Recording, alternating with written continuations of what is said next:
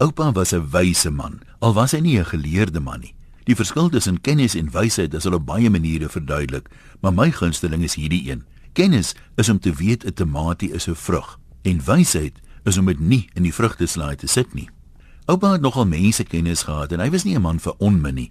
Hy het altyd gesê die beste manier om onmin te vermy is om nie oor ander mense te praat nie, ook nie oor hulle godsdiens of rugbyspanne nie. Praat liewer oor dinge. Ek het gedink dan kan ek darm nog oor my sussie praat. Ek noem haar mos 'n simpel ding. Koerante en tydskrifte skryf mos baie meer oor mense as oor dinge. Dalk is dit hoekom die pers so 'n slegte reputasie onder die mense het. Die mense sê die pers is lelik en soek net sensasie, maar hoe meer kinderstories daar in die koerant is, hoe meer mense koop hom. Oupa het altyd sy kop geskud oor die sogenaamde nuus wat die koerante haal. Ek het die naweek weer aan oupa gedink toe ek die koerant se voorblad sien. Die opskrifte kondig aan dat jy op bladsy 3 meer kan lees oor Steve se Janine. Nee, sy het niks oorgekom nie, en sy het niks ongewoons gedoen nie, niks wat 'n mens as nuuswaardig kan beskou nie. Sy is in die koerant omdat sy 6 maande in haar swangerskap in vetter geword het. Soos alle vroue wat ooit swanger was. Dis so doodnormaal. Oupa sou gesê het dit sou groter nuus gewees het as hy op 6 maande nog niks gewys het nie.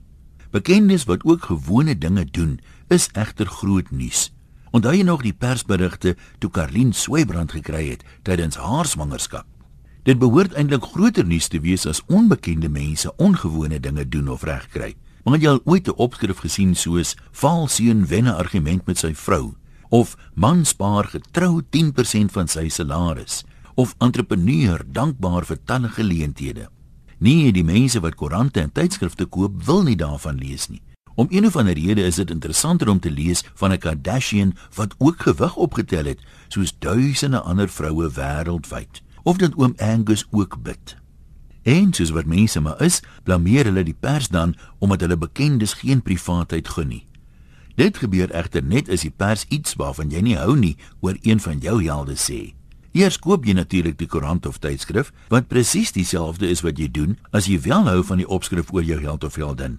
Die pers wen altyd, amper soos oupa. Hy het graag 'n muntstuk opgeskiet as ons moes kies tussen twee goed en nooit het hy verloor nie.